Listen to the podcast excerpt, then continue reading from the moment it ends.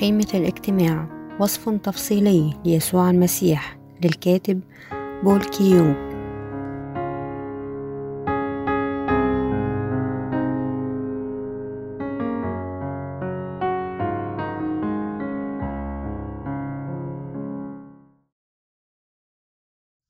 نحن لسنا أولئك الذين مصيرهم إلى الجحيم بسبب أثامنا إنجيل يوحنا الإصحاح الثالث عشر الآية الأولى إلى الحادية عشر. أما يسوع قبل عيد الفصح وهو عالم أن ساعته قد جاءت لينتقل من هذا العالم إلى الآب إذ كان قد أحب خاصته الذين في العالم أحبهم إلى المنتهى فحين كان العشاء وقد ألقي الشيطان في قلب يهوذا سمعان الإسخريوطي أن يسلمه. يسوع وهو عالم أن الآب قد دفع كل شيء إلى يديه وأنه من عند الله خرج. وإلى الله يمضي قام عن العشاء وخلع ثيابه وأخذ منشفة واتزر بها. ثم صب ماء في مغسل وابتدأ يغسل أرجل التلاميذ ويمسحها بالمنشفة التي كان متزرا بها. فجاء إلى سمعان بطرس فقال له ذاك يا سيد أنت تغسل رجلي. أجاب يسوع وقال له لست تعلم أنت الآن ما أنا أصنع ولكنك ستفهم فيما بعد. قال له بطرس لن تغسل رجلي أبدا. أجابه يسوع إن كنت لا أغسلك فليس لك معي نصيب.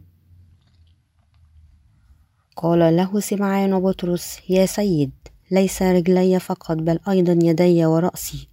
قال له يسوع الذي قد اغتسل ليس له حاجة إلا أن غسل رجليه بل هو طاهر كله وأنتم طاهرون ولكن ليس كلكم لأنه عرف مسلمه لذلك قال لستم كلكم طاهرين إن كل كلمات الكتاب المقدس هي لغز للمعلمين الكذبة الذين هم لم يولدوا ثانيا بعد. هم إذا يحاولون أن يفسروا كلمة الله بطريقتهم الخاصة بالأفكار البشرية. وعلى أي حال هم أنفسهم ليسوا مقتنعين حتى ما هم يعلمون. نتيجة لذلك حتى بين أولئك الذين يثقون بيسوع. ليس هناك العديد من الذين قد نالوا خلاصهم. لماذا هذه الحالة؟ إنهم لأنهم يقولون بأنهم يثقون بيسوع حتى بينما لا يعرفون بوضوح بشارة الماء والروح. مثل أولئك المسيحيين يعتقدون بأنهم لن يحطموا لأنهم يثقوا بيسوع لكنهم يحتاجون أن يدركوا أنهم عندما ينظروا من منظوري كتابي إنها فقط حقيقة متمة لهم أنهم سيفنوا ما لم يولدوا من الماء والروح. إنه عموما يحمل اعتقاد للناس بأن يفكروا بأنه وبالرغم من أنهم لا يعرفون الحقيقة لأنهم يثقون بيسوع هم على الأقل لا يفنوا على أي حال لأنهم يفهمون الكلمة كتابية بشكل صحيح. هم لا يمكن أن يدركوا من الكلمة أنهم يجحدون في الحقيقة حتى كما لم يخلصون بشكل صحيح. لذا إذا فسر الناس كلمة الكتاب المقدس بشكل حرفي ويأتون بمذاهبهم الخاصة مستندين على أفكارهم الخاصة إذا مثل هؤلاء الناس حتى إذا وثقوا بيسوع لا يمكن أن ينالوا مغفرة الخطية وسينتهون نهائيا في جهنم بسبب آثامهم وهكذا الكتاب المقدس ليس شيء ما ليكشف بطريقتنا الخاصة لكن نحن يجب أن ننتظر الله أن يفهمنا خلال القديسين المولودين ثانيا بكلمة الحق. نحن يجب أن ندرك أيضا أن كل كلمات الله توضح ضمن إنجيل الماء والروح. قال يسوع الحق الحق أقول لك إن كان أحد لا يولد من الماء والروح لا يقدر أن يدخل ملكوت الله. يوحنا الإصحاح الثالث الآية الخامسة. أولئك الذين يعرفون ويؤمنون بهذه الفقرة بشكل صحيح. يمكن أن يخلصوا حقا من كل الآثام ويدخلوا ملكوت السماوات. يسوع قال بأنه فقط أولئك الذين قلوبهم طهرت من الخطية بواسطة الإيمان بإنجيل الماء والروح يمكن أن يدخلوا السماء. لكن إذا آمن الناس بدون فهم إنجيل الماء والروح المعطى بواسطة الرب الذي هو الحقيقة الظاهرة في الخيط الإسمنجوني والأرجواني والقرمزي والبوس المبروم للخيمة هم إذا سيفنون بسبب آثامهم. فقط كم تماما مفزعا إذ نحن سنحطم بسبب آثامنا حتى بينما نؤمن بيسوع. يعذرني بعمق أن أعتقد بأنه بالرغم من أن هناك الآن العديد جدا من الناس في هذا العالم الذين يؤمنون بيسوع كمخلصهم إلا أن العديد منهم لا يمكن أن يجيبوا بشكل واثق عندما يسألون ما إذا هم مقتنعون حقا أنهم خلصوا من الآثام؟ إنهم لمن الخطأ أن نقول بأننا مذنبين. بغض النظر عن سواء نصرح بأننا نؤمن بيسوع أم لا سنحطم بسبب آثامنا كم عدد شعب يكون محطم بينما يؤمنون بيسوع. متى أخبرنا أنه بالرغم من أن العديد من الذين آمنوا بالرب يقولون إلى يسوع أنهم قد تنبأوا طردوا شياطين وصنعوا العجائب باسمه هم سوف يتركون منه يسوع قال بأنه يعلن إلى مثل هؤلاء الناس أنا لا أعرفكم ابعدوا عني يا ملاعين متى الإصحاح السابع الآية الثالثة والعشرون؟ ربنا قال بأن ليس كل شخص الذي يدعو باسمه يدخل السماء. وهكذا الرب سيوبخ أولئك الذين قد أساءوا فهم إنجيل الماء والروح. لحد الآن العديد من الناس حتى لا يدركون أنهم أساءوا فهم وجحدوا يسوع إنها حالة محزنة بعمق لربنا. هناك الكثير من الناس الذين أهملوا حقيقة أن الرب يوبخهم في الحقيقة لإيمانهم المكسور وأن مصيرهم نحو دمارهم الخاص. لهذا قلوبنا تنوح للمسيحية اليوم الإسميين يثقون بيسوع فقط بشكل فارغ. ما زالوا عاجزين أن يصلوا لتعريف واضح وكتابي لما هو الإنجيل الحقيقي للماء والروح. لهذا إنها مهمة هامة ومستعجلة لنا أن نبشر بإنجيل الماء والروح إليهم كلهم. إنه مهم بشكل حرج لكل منا أن نعرف ونثق بحقيقة إنجيل الماء والروح. كيف إذن؟ يمكن أن نعرف حقيقة إنجيل الماء والروح. بواسطة أن نسمع بالطبع التعليم على إنجيل الماء والروح الموجودة في كلمة الله. نحن حقا يجب أن نعرف ونثق بإنجيل الحقيقة ونكون مدعوين بواسطة الله كقديسيه إنه بواسطة عمل هذا لكي نحن يمكن أن ندخل ملكوت الله بواسطة الإيمان. نستلم مغفرة الخطية بواسطة الإيمان ونصبح أبنائه بواسطة الإيمان. لهذا تركز المسيحية على الخلاص المستلم بواسطة الإيمان. أديان تركز على الأعمال الخاصة بالشخص لكن الحق الحقيقي. يخبرنا أن الخلاص هو عطية الله ليس من الأعمال الإنسانية خشية أن أي أحد يتفاخر. أفسس الإصحاح الثاني الآية الثامنة إلى التاسعة. تشير المسيحية الصادقة إلى طريق الخلاص من الخطية ودخول السماء فقط بواسطة المعرفة والإيمان ببشارة الماء والروح. فقرة اليوم الرئيسية من يوحنا الإصحاح الثالث عشر أيضا حول إنجيل الماء والروح بمعرفة أن الوقت حان له ليموت على الصليب يسوع طلب أن يغسل أقدام تلاميذه. هذا كان صحيح قبل عيد الفصح. إن عيد الفصح يرجع إلى اليهود. حيث أنه كان يوم هروب شعب إسرائيل من مصر وقد خلصوا من عبوداتهم وأصبح عطلة عظيمة لليهود. لذا شعب إسرائيل يتذكرون عيد العهد القديم للفصح. بواسطة طقوس عيد فصح المؤداة سويا. خلال العشاء يسوع تجمع وتلاميذه سويا وطلب أن يخبرهم شيء ما ذو أهمية عظيمة. بواسطة غسل أقدام تلاميذه قبل أن هو نفسه مات على الصليب. أراد أن يعلمهم حقيقة أنه غسل أساميهم الحقيقية بحلول عيد الفصح يسوع عرف أنه سيؤثر كحمل عيد الفصح يصلب يموت ويقوم من الأموات ثانيا. لذا أراد يسوع أن يعلم تلاميذه أنه كحمل التضحية هو قد طهر حتى آثامهم الحقيقية. ضع بشكل مختلف. هو غسل أقدام التلاميذ ليعطيهم تعليم مهم جدا قبل موته على الصليب. السبب أن الرب غسل قدمي بطرس.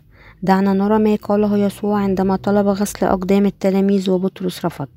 إن كنت لا أغسلك فليس لك معي نصيب. يوحنا الإصحاح السادس عشر الآية الثامنة. كم حرجا ومفزعا هذا القول.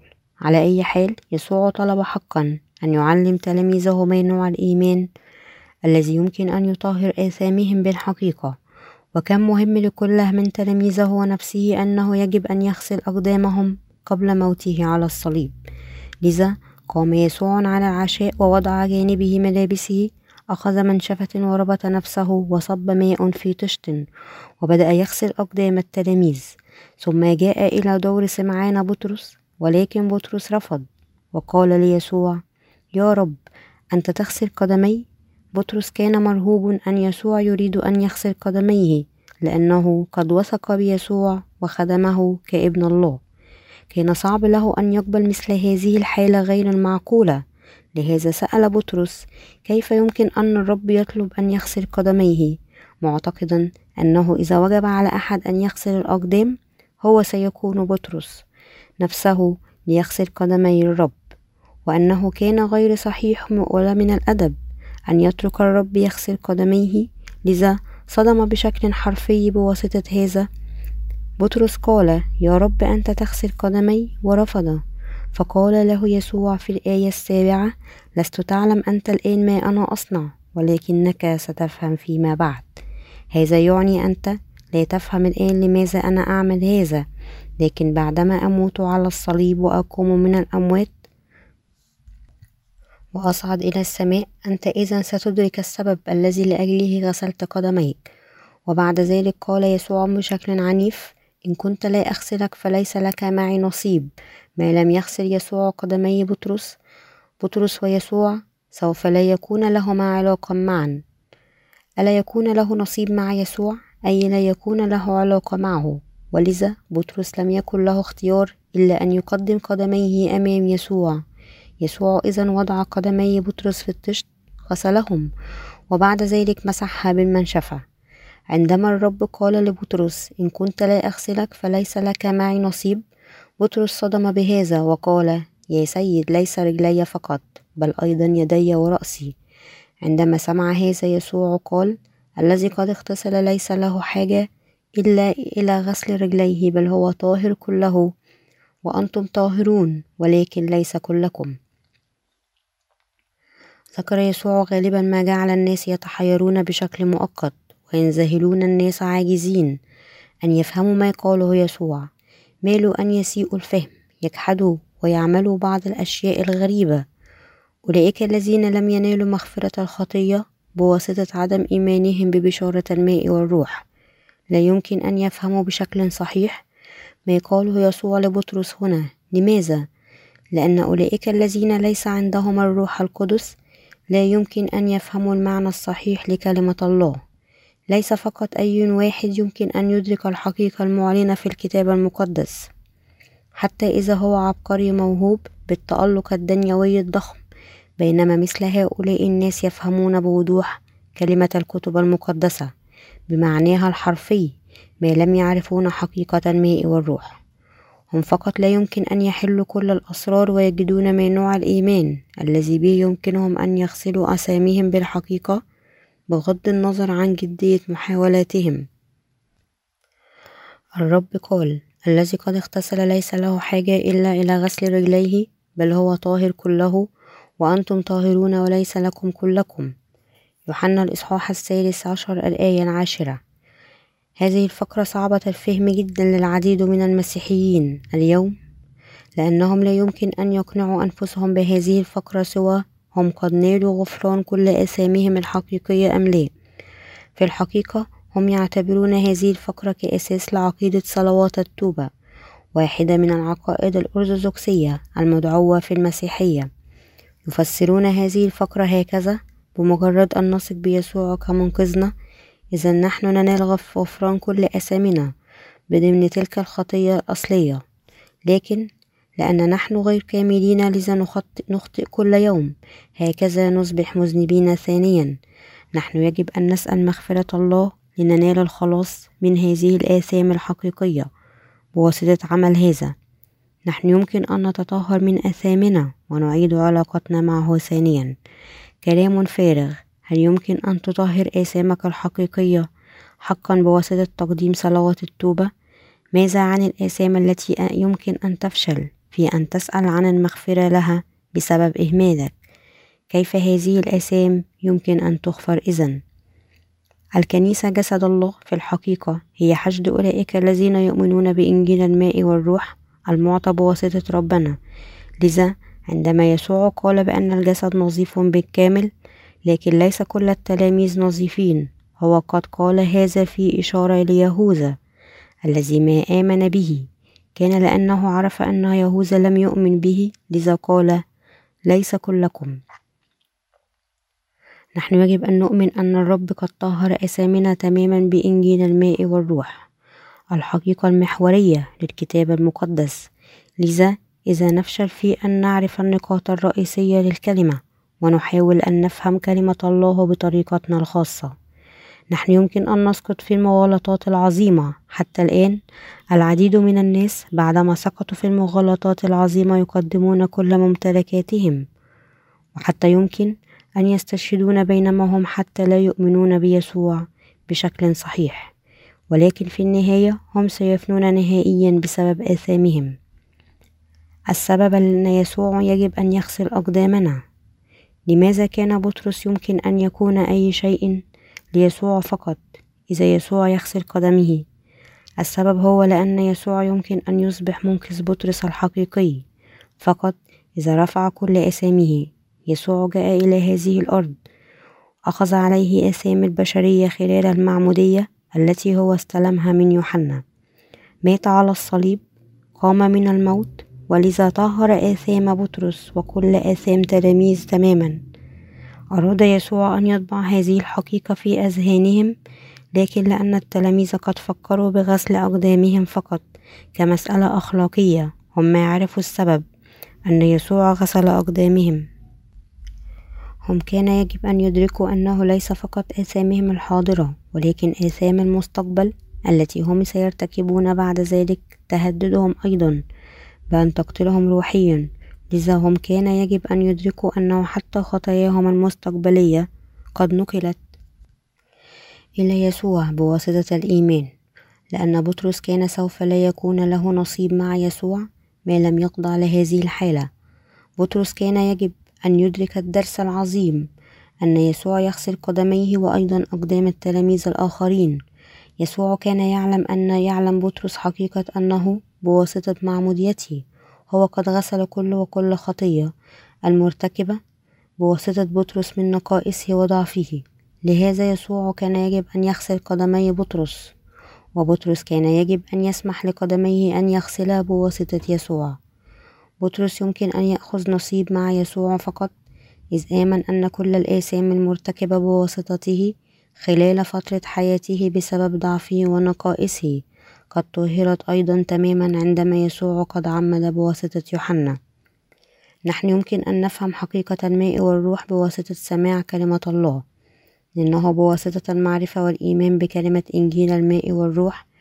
أننا قد فدينا من كل أثامنا وأننا نحن يمكن أن نطهر من كل أثامنا الحقيقية أيضا. يسوع قال الذي قد اغتسل ليس له حاجة إلا غسل رجليه. لأن يسوع طهر مسبقا كل أثامنا وجعلنا أطهار. أولئك الذين يثقون بهذا هم ينالون الخلاص من الخطية. السيد المسيح يسوع طهر في الحقيقة كل الآثام بواسطة معموديته في نهر الأردن وأخذ عليه كل أثامنا بواسطة ذهابه إلى الصليب وصلبه وسفك دمه وموته وقيامته من الموت ثانيا. هو قد أصبح منقذنا السرمدي بمعموديته ودم الصليب الرب أصبح منقذنا التام بمثل هذا خلال إنجيل الماء والروح. ربنا قد مكن كل أولئك الذين يثقون به أن يغتسلوا من آثامهم تماما بواسطة الإيمان. أولئك الذين يعرفون هذه الحقيقة ويثقون بها يمكن أن يخلصوا تماما من أثامهم الحقيقية أيضا. ومن وجهة نظر الله إنه الحقيقي من أن يخلص البشرية غسلت من كل الآثام بواسطة أعمال يسوع المستقيمة. كل ما يجب أن نفعل هو أن نغتسل في الحقيقة من أثامنا لننال هذه النعمة بشكل حر بواسطة الإيمان بإنجيل الماء والروح. أليست هذه هي الحالة؟ بالطبع هي. بواسطة إيماننا الذي يثق بهذه الحقيقة نحن قد أصبحنا أولئك الذين اغتسلوا مسبقا. يسوع قال بأن الذي اغتسل ليس له حاجة إلا إلى غسل رجليه لأنه بالرغم من أننا نخطئ كل يوم من جهتنا يسوع مسبقا أخذ عليه كل الآثام عندما هو قد عمد وخلص كلية بواسطة معموديته. يسوع طهر آثامنا لكل العمر وإنه بواسطة أن نؤكد هذا كل يوم من جهتنا أننا يمكن أن نتخلص من أثامنا الحقيقية. هذا ما تخبرنا به هذه الفقرة. الحقيقة هو أنه حتى أولئك الذين قد نالوا مغفرة الخطية بواسطة الإيمان بإنجيل الماء والروح أي أن يسوع قد قبل كل الآثام خلال معموديته من يوحنا ومات على الصليب بينما حمل على كتفيه آثام العالم وقام من الموت ثانيا. ما زالوا يعيشون حياتهم بينما يخطئون لأنهم عندما عندهم الجسد. على أي حال الله مسبقا أخذ عليه حتى كل الآثام الحقيقية التي يرتكبها الناس كل يوم بعد إيمانهم بيسوع لأنه هو القدير. بتجاوز الوقت من خلود إلى خلود الله قد أنجز حالنا هذا العمل الذي رفع كل آثام البشرية مثل هذا قبل يسوع كل آثامنا لكل العمر خلال يوحنا بعدما عمد. مات على الصليب بينما حملها كلها. وقام من الموت ثانيا. ولذا طهرنا من أثامنا لحد الآن على الرغم من هذا؟ كيف نؤمن؟ على الرغم من الإيمان بهذه الحقيقة كل يوم نحن ما زلنا قلقين بواسطة الآثام التي نرتكب بها في حياتنا ونقائصنا. لهذا كل يوم نحن يجب أن نعيد تأكيد إيماننا في حقيقة أن يسوع أخذ عليه كل هذه الآثام التي نرتكب خلال كل العمر. بينما نسير على هذه الأرض بواسطة معموديته.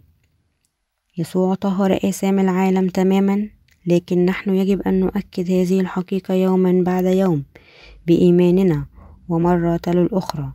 ولكي بطرس يبقى متحدا مع يسوع بواسطة الإيمان كان يجب أن يتذكر أن يسوع غسل قدميه.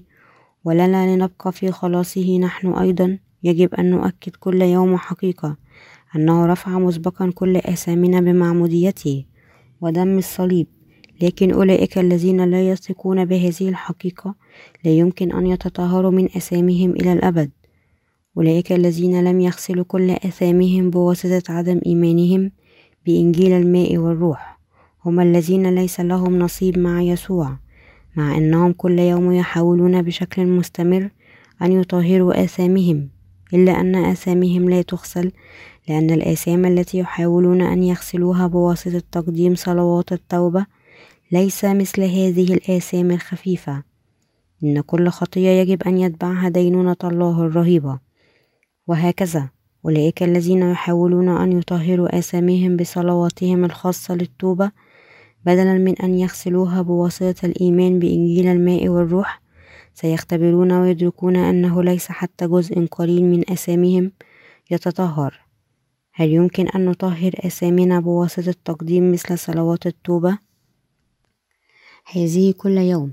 حتى إذا نحن أنفسنا نؤمن أننا قد نلنا مغفرة آثامنا بصلواتنا للتوبة هذه الآثام في الحقيقة ما زالت بقية فقط أولئك الذين اغتسلوا بأجسامهم الكاملة بواسطة الإيمان.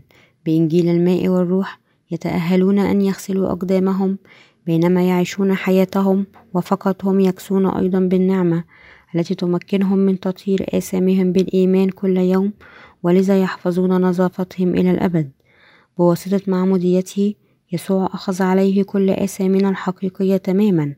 نحن إذا نؤمن أن بمعمودية يسوع أيضا أخذ عليه كل الآثام التي نرتكبها من نقائصنا بينما نعيش حياتنا وأنه حمل كل إدانتهم أيضا يسوع أخبرنا بكلمات أخرى. أنه ليس هناك ما يدعى التعثر أو السقوط بسبب ضعفنا الخاص. بعدما يسوع أخذ غسل أقدام التلاميذ كل ما تبقى الآن له كان أن يموت على الصليب. يقوم من الأموات ثانيا ويصعد إلى السماء. يسوع الآن لم يعد في جانب التلاميذ لكن طبقا للكلمة المكتوبة هو سيكون عن يمين عرش الله الآب وهو سيأتي ثانيا. لكن إذا يسوع قد مات على الصليب بدون تعليم تلاميذه حول هذا كيف كان يمكن أن يبقوا على هذه الأرض وينشروا إنجيل الماء والروح؟ تلاميذ يسوع كانوا سيعيشون بينما يرتكبون آثاما حقيقية لأنهم كانوا ضعفاء وناقصين ولا يعرف ماذا يفعلون عندما يرتكبون خطية الغيرة. الجشع أو الكراهية هم ما كانوا يمكن أن يكونوا قادرين أن يعيشوا بواسطة الإيمان. كيف هم إذن يحتمل أن ينشروا الإنجيل إلى الآخرين؟ هم لم يكن ممكنا لهم أن يعملوا هذا؟ لهذا يسوع بالتأكيد كان يجب أن يخبر تلاميذه أنه هو قد طهر مسبقا كل هذه الآثام ولهذا غسل أقدامهم. مثل مغفرة خطية الظاهرة في الخيمة. عندما نفتح وندخل في بوابة فناء الخيمة نحن أولا نرى مسبح المحرقة والمرحضة من البرونز. الدرس الأول الذي تبينه لنا الخيمة لحياة الإيمان هو أنه إذ نحن عندنا خطية أمام الله فإن دينونة الخطية تنتظرنا. حياة الإيمان كما يشار إليها بواسطة مسبح المحرقة أيضا. تبدأ بدينونة الخطية والموت بشكل أساسي. نحن سندان أمام الله لآثامنا لكن الرب جاء لهذه الأرض ليأخذ عليه آثامنا. كما أن تقديم الذبيحة في العهد القديم لتقبل ظلم المذنبين بوضع الأيدي وسفك دمها وموتها ويوضع لحمها على مذبح المحرقة ويحرق بالنار. لذا تدان بشكل مفوض لظلم المذنبين بواسطة حمل دينونة النار كذلك يسوع يعمل هذا لأجلنا.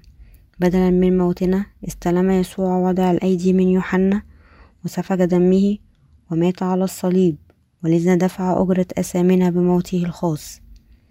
نحن نأثم كل يوم ونحن نستمر إن نأثم حتى يوم مماتنا. أنت وأنا. كنا الذين لا يمكنهم إلا أن يموتوا لأجل آثامنا لكن لكي يخلص مثل هؤلاء الناس مثلنا من أثامنا ودينونتنا. الرب ترك عرش مجد السماء وجاء لهذه الأرض وأخذ على جسده آثامنا بواسطة معموديته من يوحنا. أسلم جسده على الصليب وصلب وسفك دمه الثمين وقام من الموت. ولذا قد أصبح مخلصنا الحقيقي بإدراك ومعرفة ناموس الموت الذي نحن كان يجب أن نكون مدينين ونموت من أجل آثامنا هي النقطة البادئة للإيمان. فقط أولئك الذين يعرفون ويؤمنون أنهم يجب أن يموتوا من أجل آثامهم. يمكن أن يصبحوا الذين يمكنهم أن يغتسلوا من الخطية وينالوا مغفرة الخطية بواسطة مرور كل آثامهم ليسوع بواسطة الإيمان. يبدأ الإيمان الصادق من مثل هذا الاعتقاد. ونحن الذين بدأنا من هذا الاعتقاد أصبحنا كاملين بواسطة تأكيد إيماننا أن السيد المسيح يسوع طهر كل الآثام التي نرتكبها يوميا وطهر حتى الآثام التي نحن نرتكبها في المستقبل. حتى رئيس الكهنة وأبنائه الذين يتقدمون في الخيمة يقدمون محرقات كل صباح ومساء ويقدموا تقديماتهم بشكل منتظم ويضعوا أيديهم على رأسها ويسفكوا دمها. ويقدموا لله لهذا ما كان هناك كرسي في الخيمة هم بكلمات أخرى مستمرين أن يعطون ذبائح في كل الأوقات حتى أنهم لم يجدوا الوقت لأن يجلسوا ويرتاحوا. وهكذا نحن كنا مثل هؤلاء الناس الذين أخطأوا بشكل مستمر ولم نتمكن أن نتجنب.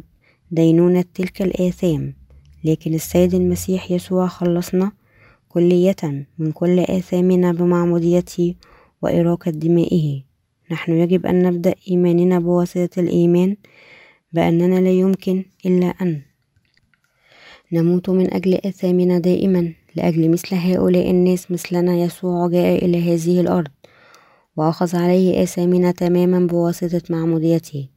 بعدما أخذ عليه آثامنا بمعموديته السيد المسيح يسوع إذن حمل كل الآثام إلى الصليب ودفع أجرة هذه الآثام بإراقة دمه بواسطة تسليم حياته الخاصة وقيامته من الموت ثانيا وهو أصبح منقذنا الأبدي. رمي الإصحاح السادس الآية الثالثة والعشرين تقول لأن أجرة الخطية هي موت ولكن هبة الله حياة أبدية في السيد المسيح يسوع ربنا.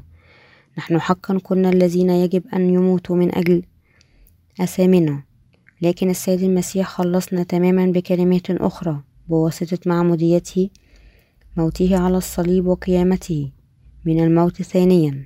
ربنا أعطانا مغفرة الخطية والحياة الأبدية. هل تؤمن بهذا؟ إنه من هنا يبدأ الإيمان. بالمناسبة هل لا تعتقد أنا لا يمكن أن أتبع يسوع لأنني غير كامل جدا؟ أنت ربما تعتقد بأنك فقط تافه جدا وجسدي جدا. ولذا حتى كما تثق بإنجيل الماء والروح إنه صعب جدا لك أن تتقدم هذا الإيمان الذي يؤدي إلى الجحيم. دعنا نتحول إلى عبرانيين الإصحاح العاشر الآية السادسة والثلاثين إلى التاسعة والثلاثين. لأنكم تحتاجون إلى الصبر حتى إذا صنعتم مشيئة الله تنالون الموعد لأنه بعد قليل جدا سيأتي الآتي ولا يبطئ أما البار فبالإيمان يحيى وإن ارتد لا تسر به نفسي وأما نحن فلسنا من الارتداد للهلاك بل من الإيمان لاقتناء النفس. إنه قال بأننا لسنا أولئك الذين للهلاك أولئك الذين يثقون بهذه الحقيقة يضطهدون بشدة محتقرين ويواجهون العديد من الصعوبات لكن ميراث السماء الذي لا يهبط إلى الأبد ينتظرنا. كل الأشياء في السماء تنتظرنا نحن مالكيها. عبرانيين الإصحاح العاشر الآية الرابعة والثلاثون إلى الخامسة والثلاثون.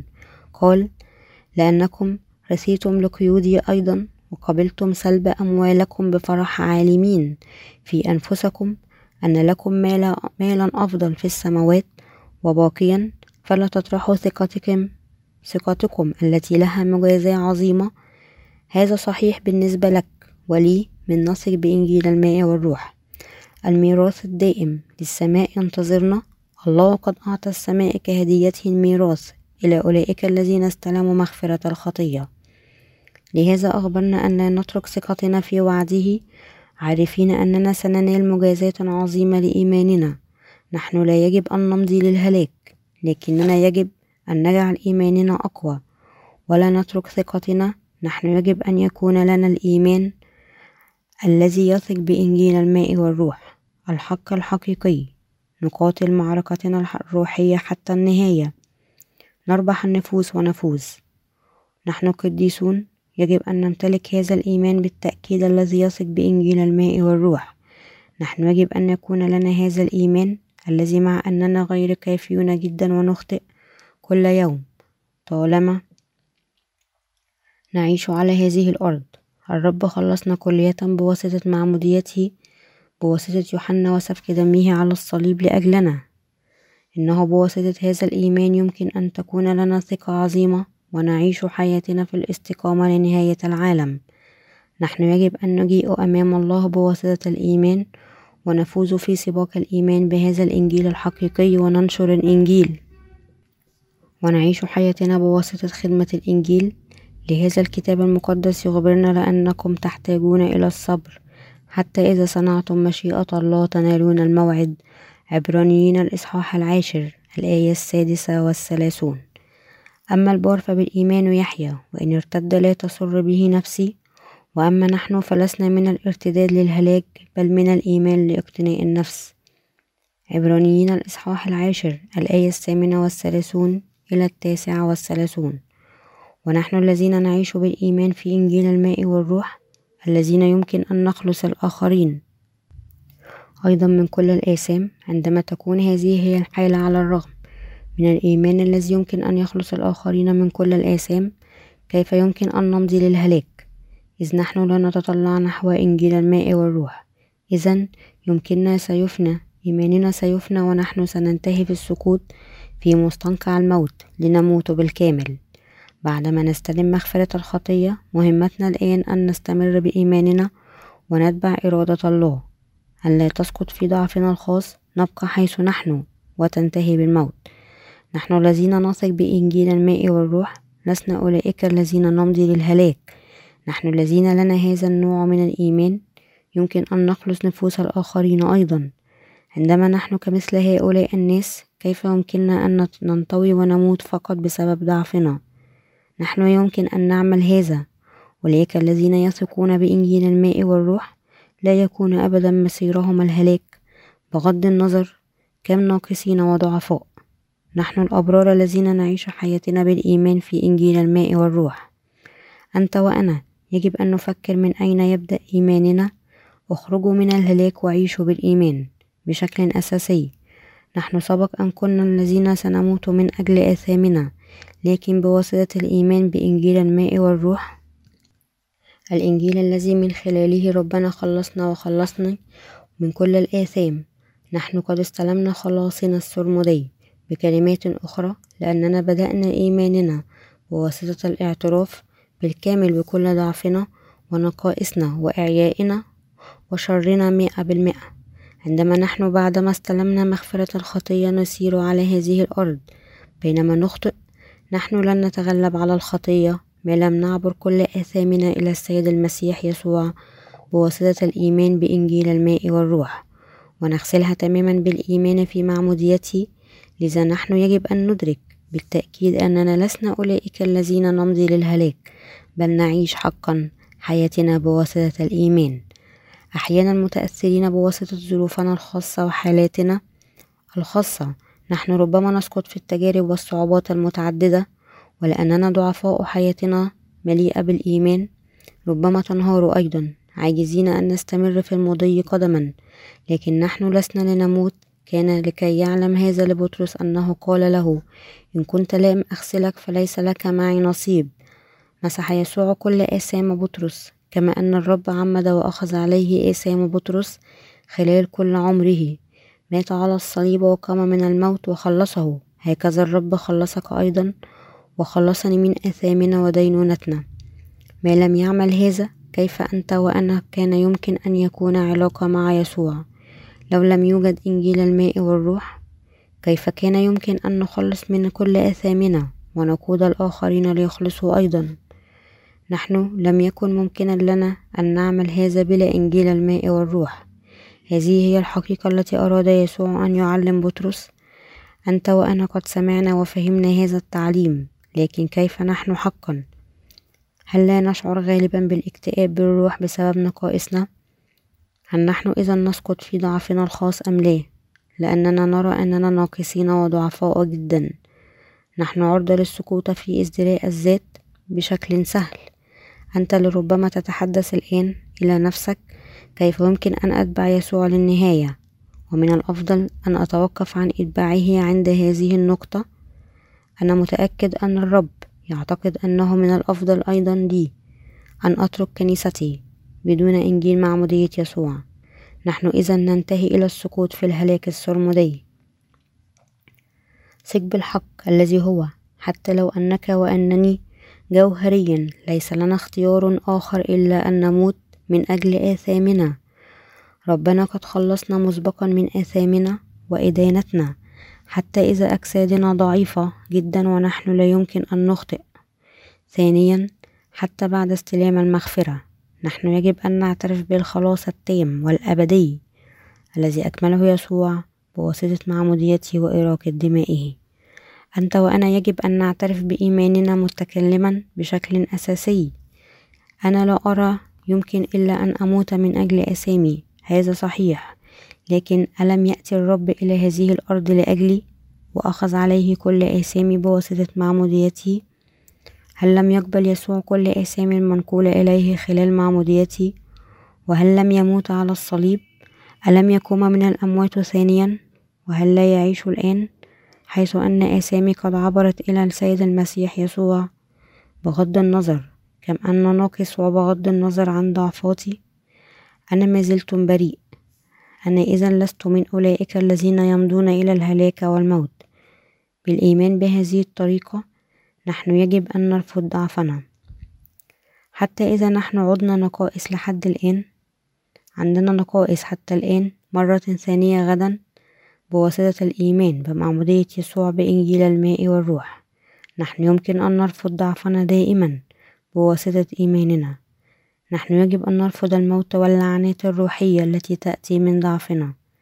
نحن يجب أن نكتر هذه الحقيقة غالبا كما نستطيع. ونقول الرب قد خلصني حيث أن كل آثامي قد عبرت إلى الرب. هل أنا ما زلت عندي خطية أم لا؟ بالطبع لا. بواسطة الإيمان هكذا نحن يمكن أن نرفض ضعفنا وآثامنا ونؤكد إنجيل الماء والروح مرة ثانية. ونصدق حقيقة أننا نخلص تماما بواسطة الإيمان.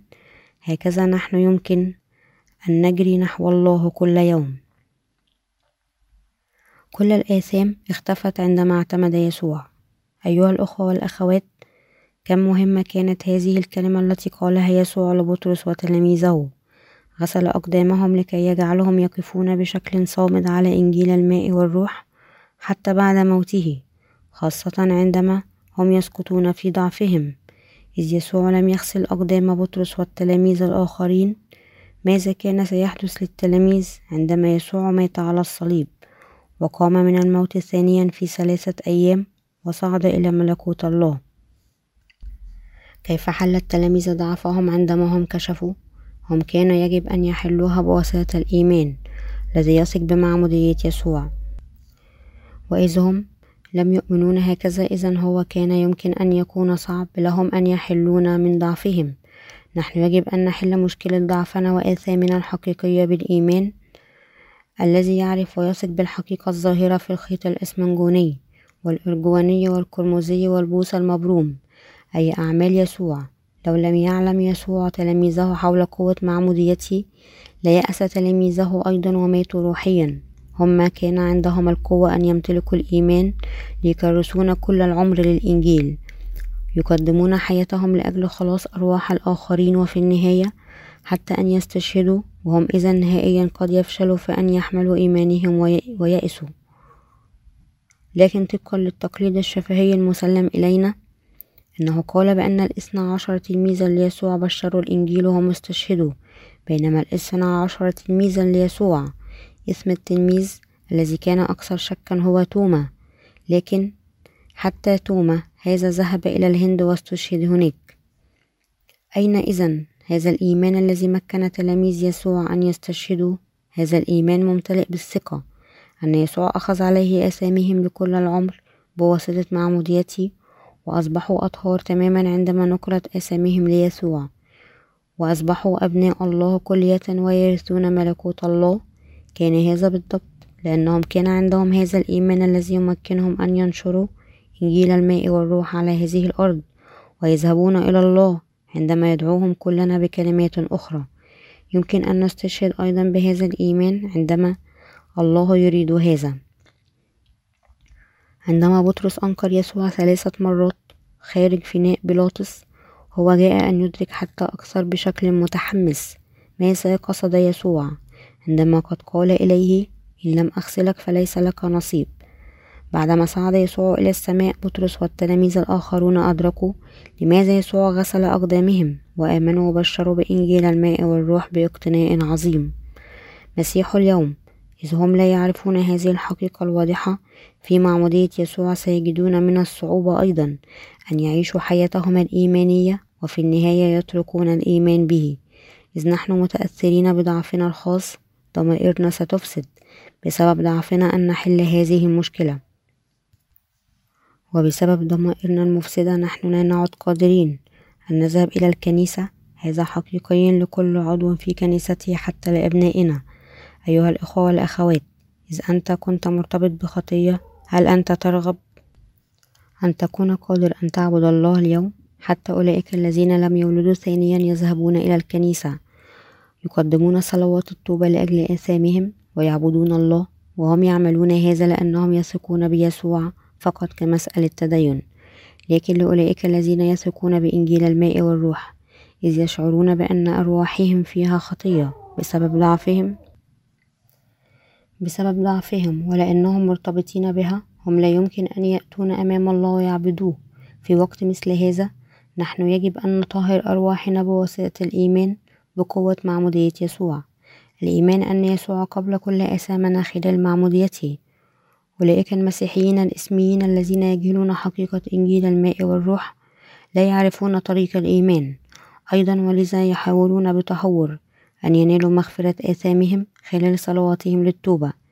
بينما أولئك الذين يتبعون أديان العالم يتضرعون بتهور إلى آلهتهم. ملتمسين أستجديك برجاء أغفر آثامي.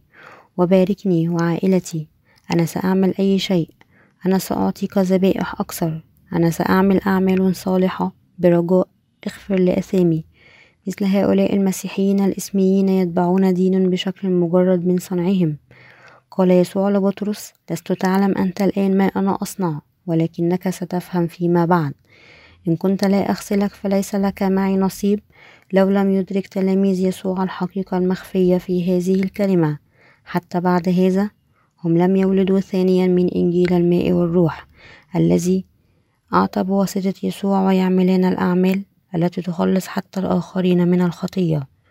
لو لم يزرع يسوع بينما يغسل أقدام بطرس فيه الاقتناع بالخلاص التام خلال قوة معموديته التي أسلم بطرس ما كان يمكن أن يكون قادر أن يستشهد وينجز دوره كزعيم كنيسة الله. لو لم تكن حقيقة إنجيل الماء والروح لكنا غير قادرين أن نأتي أمام الله ونعبده عبادة الإيمان بسبب الخطية. بسبب الآثام التي نستمر أن نرتكبها أولئك الذين طهروا بنظافة آثامهم بواسطة الإيمان بإنجيل الماء والروح. يمكن أن يأتوا لكنيستي وهم قادرون أن يطهروا آثامهم بواسطة الإيمان أينما كانوا.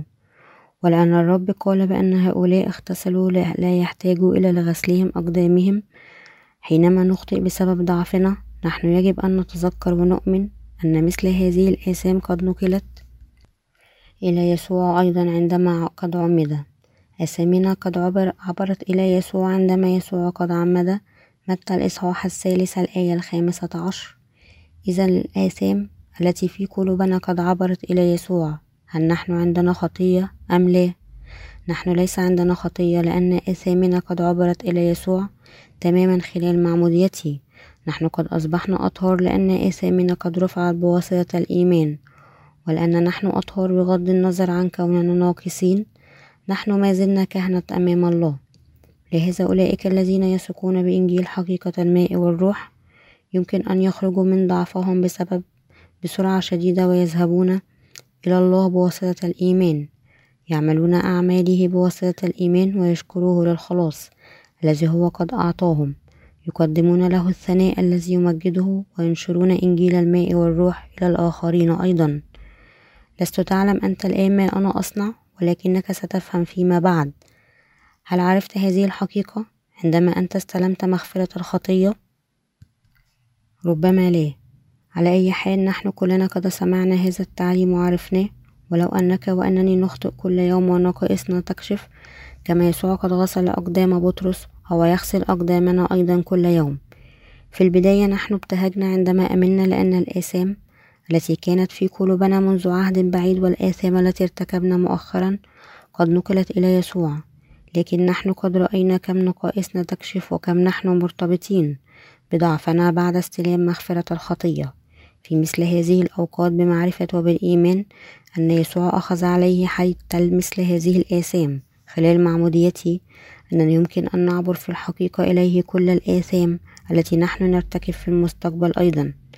افعل البر ثم أخطئ بشكل حر نظرا لهذا. هم لا يعملون هذا. رمي الإصحاح الأول الآية السابعة عشر.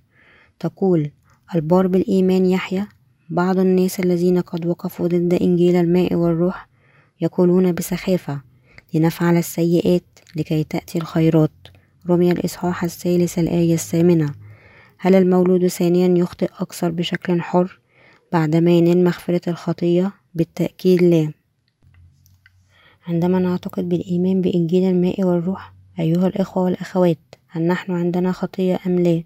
بالطبع لا. أيضا حتى إذا نحن عندنا نقائص هل نحن ناقصين أم كاملين بواسطة الإيمان؟ نحن كاملون. عندما يسوع أخبرنا أن أجسامنا الكاملة طاهرة قصد أنه خلال معموديته والدم والقيامة هو قد جعلنا أطهارا تماما.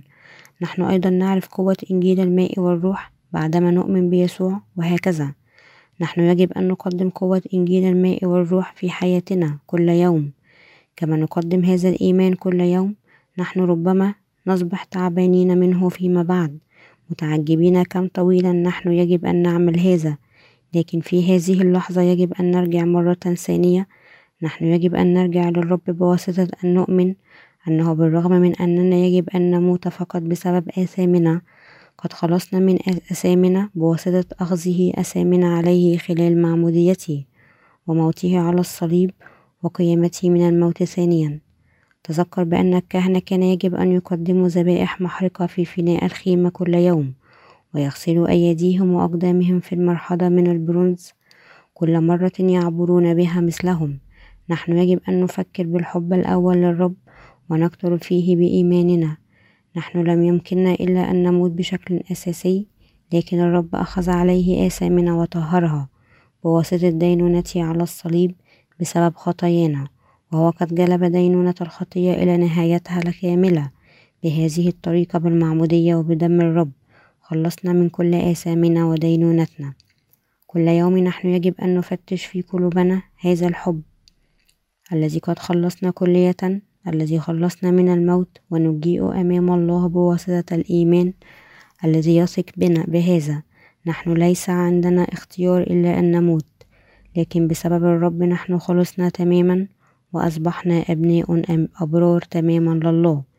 عندما الرب أعطانا مثل هذا الإيمان ألا يجب علينا أن نحتفظ بهذا الإيمان دائما؟ نحن الحجاج الذين نعيش على هذه الأرض لفترة وبعد ذلك نتركها. الكلمة حاج تعني مسافر والمسافرون هم أولئك الذين يتحركون من مكان لآخر. نحن المسافرون الذين نبقى في مكان ما فقط لفترة قصيرة وبعد ذلك نذهب لمكان آخر عندما نحن نكون قد أنهينا رسالتنا هناك. نحن الحجاج الذين يجب أن يرجعوا لملكوت السماوات بعد الحياة في هذا العالم. لفترة قصيرة كما نعيش حياتنا كحجاج يعبرون خلال هذه الأرض ويذهبون لملكوت السماوات. هناك أوقات فيها نحن نرغب أن نتركه ونتخبط على الأرض. سوف يكون هناك أوقات عندما أنت تريد أن تتخبط لأسفل سواء بشكل جسدي أو روحي.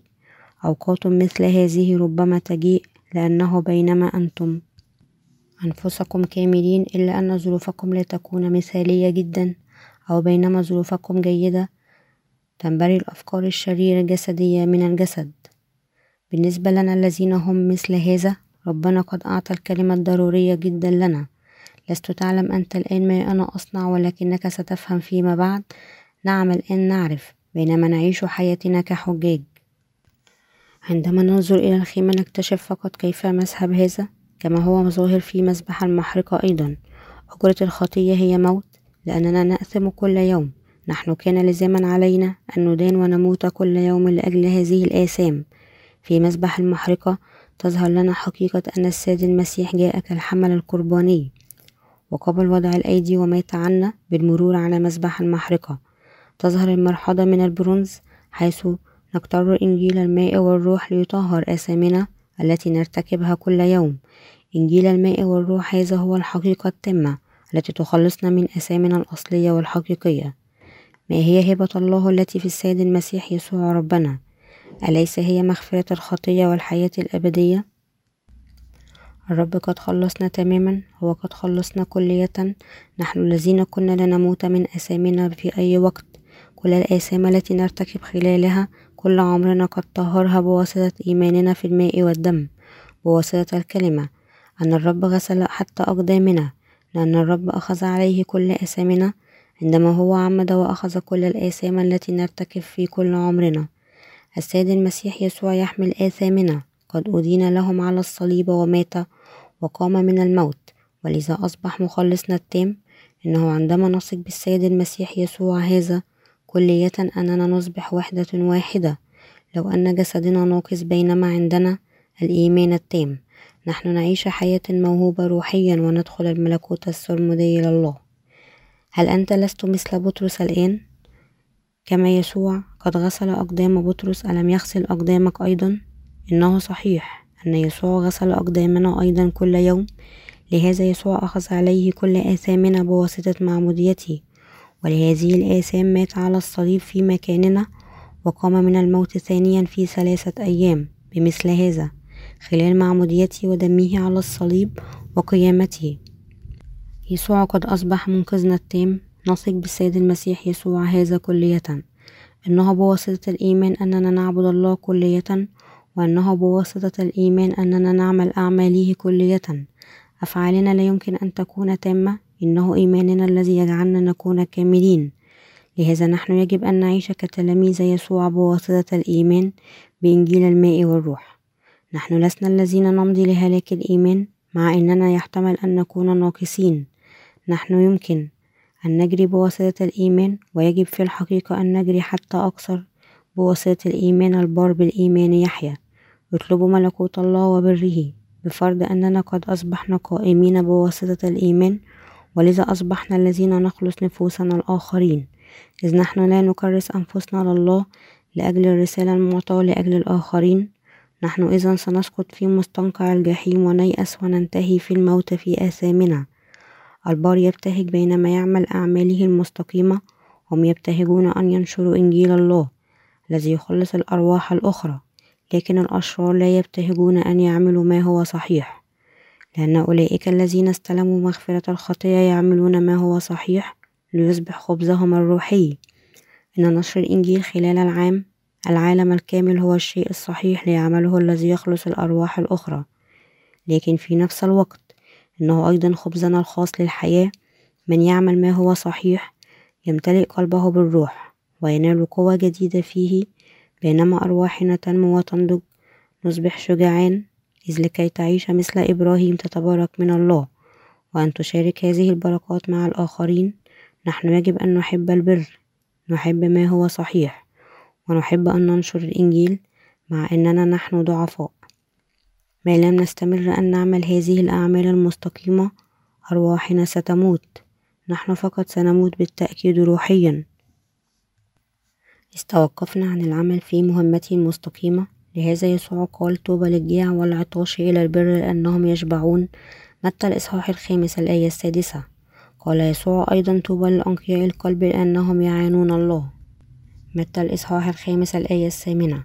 أولئك الذين استلموا مغفرة الخطية وآمنوا أن الرب قد طهر بالكامل. كل آثامنا يرون الله وهم يثقون بالله ويتبعوه وينشروا البركات السماوية خلال العالم الكامل. نحن أصبحنا كاملين بواسطة الإيمان. نحن لا يمكننا إلا أن نموت من أجل آثامنا لكن الرب جاء لأرض وعمد ومات على الصليب في مكاننا وخلصنا تماما. هذه هي الحقيقة والطريق لملكوت السماوات. إن إدراك هذا هو إدراك طريق الإيمان ليس هناك طريق آخر إلا هذا. نحن لا يمكن أن ندخل السماء بواسطة أعمالنا الصالحة فقط بواسطة أن ندرك ونثق بما عمله الرب. لذا يمكننا أن ندخل السماء. عموما إذا نحن كنا أن نقسم الناس إلى نوعين هناك أولئك الذين اعتادوا على الخير وأولئك الذين اعتادوا على الشر. أولئك الذين اعتادوا على الشر لم ينالوا مغفرة الخطية بشكل صحيح بواسطة أن نؤمن بما فعله الرب لنا. نحن قد أصبحنا آلات بر لكن أولئك الذين لم ينالوا مغفرة الخطية ما زالوا لا يمكن إلا أن يبقون كآلات الشيطان بغض النظر عن إرادتهم. في هذه الساعة أقول لكم بشكل واثق أن الله أعطانا خلاصه التام. الإيمان التام والمغفرة التامة للخطية هل أعمالك غير كافية حتى بينما تؤمن بهذا الإنجيل؟ ربما هل قلوبكم تسحب بواسطة هذه؟ ليست هناك حاجة لتكون هكذا لأن المستقيم يمكن أن يعيش بواسطة الإيمان. ألم يأخذ الرب الذي لا يمكن أن يجهل نقائصنا وضعفنا؟ مسبقا كل هذه الأشياء بمعموديته دعني أعطيك كل يوم مثال عن نقصنا. نلعب كرة قدم سويا أحيانا عندما فريقي كان في مشكلة بنزول الكرة من أعلى نحو. مرمينا أنا غالبا أرميها خارجا وأمسكها بيدي. هل كنت أنا مستهدفا بالطبع؟ ليه؟ أنا فقط أردت أن أفوز بها. عندئذ مثل هذه الحالة كلنا الخدام قديسون وعمال الله متشابهين نعمل كل شيء محتمل لنحاول أن نفوز. أنت يمكن أن تنسى بسهولة المضي لتفوز. نصنع كل أنواع الغدر. إن اللعبة تلعب بشكل عنيف جدا حتى أن كل شخص يعمل كل شيء محتمل فقط ليفوز إلى حد أنه يبدي أنه لا يوجد هناك لعبة أخرى التي تكشف الصورة الذاتية الأساسية العارية للسلوك الإنساني أفضل من كرة القدم. إذ فريقنا في مشكلة نحن لا نتردد أن نقوم بحركات خاطئة نخدع أو نصر على طرقنا كل هذه الأشياء جائزة لنا لكن إذا الفريق الآخر أخطأ فينا نصرخ خطأ ونطلب الحكم أن يصدر بطاقة صفراء لكن أي تأثير في كل هذا الذي نحن نفعله حقا نريد دائما ما يفيدنا لفريقنا ولأنفسنا ونحن فقط نريد ما يفيدنا لحد الآن قد خلصنا الله مع أننا ما زلنا مملوئين بالعيوب والفوضى بقدر ما يتعلق الأمر بإيماننا. نحن أصبحنا مولودين ثانيا بدون عيب. الرب قد خلصنا بالكامل من آثامنا لهذا ندعو الرب كالله. الخلاص؟ والله الخلاص كالرب. الرب هو إله الخلاص لنا. بطرس اعترف أنت المسيح ابن الله الحي. متى الإصحاح السادس عشر الآية السادسة عشر؟ والرب وافق على إيمانه الموهوب من الله. السيد المسيح الكلمة هنا يعني الذي أخذ آثامنا على جسده ورفعها كلها. السيد المسيح يسوع هو ابن الله الحي. وكابن الله ومنقذنا هو قد خلصنا تماما. لذا كونوا شجعان في قلوبكم ومع هذا حتى إذا أنتم ربما تشعرون بأنكم ناقصون وضعفاء حتى تخدموا الإنجيل. إن نفوسكم قلوبكم وأجسادكم لا يجب أن تتراجع وتنحني. بدلا من ذلك نصبوهم بالإيمان وكونوا أناسا شجعان الأبرار الذين ينشرون إيمان الله بقوة واتساع. انظر إلي ليس لدي شيء أبينه في جسدي لكن هل لا أنشر الإنجيل خلال العالم؟ هل أنت لست مثل هذا أيضا؟ ألا تعتقد بأن هؤلاء الذين يبدو أنهم بلا نقص حقا؟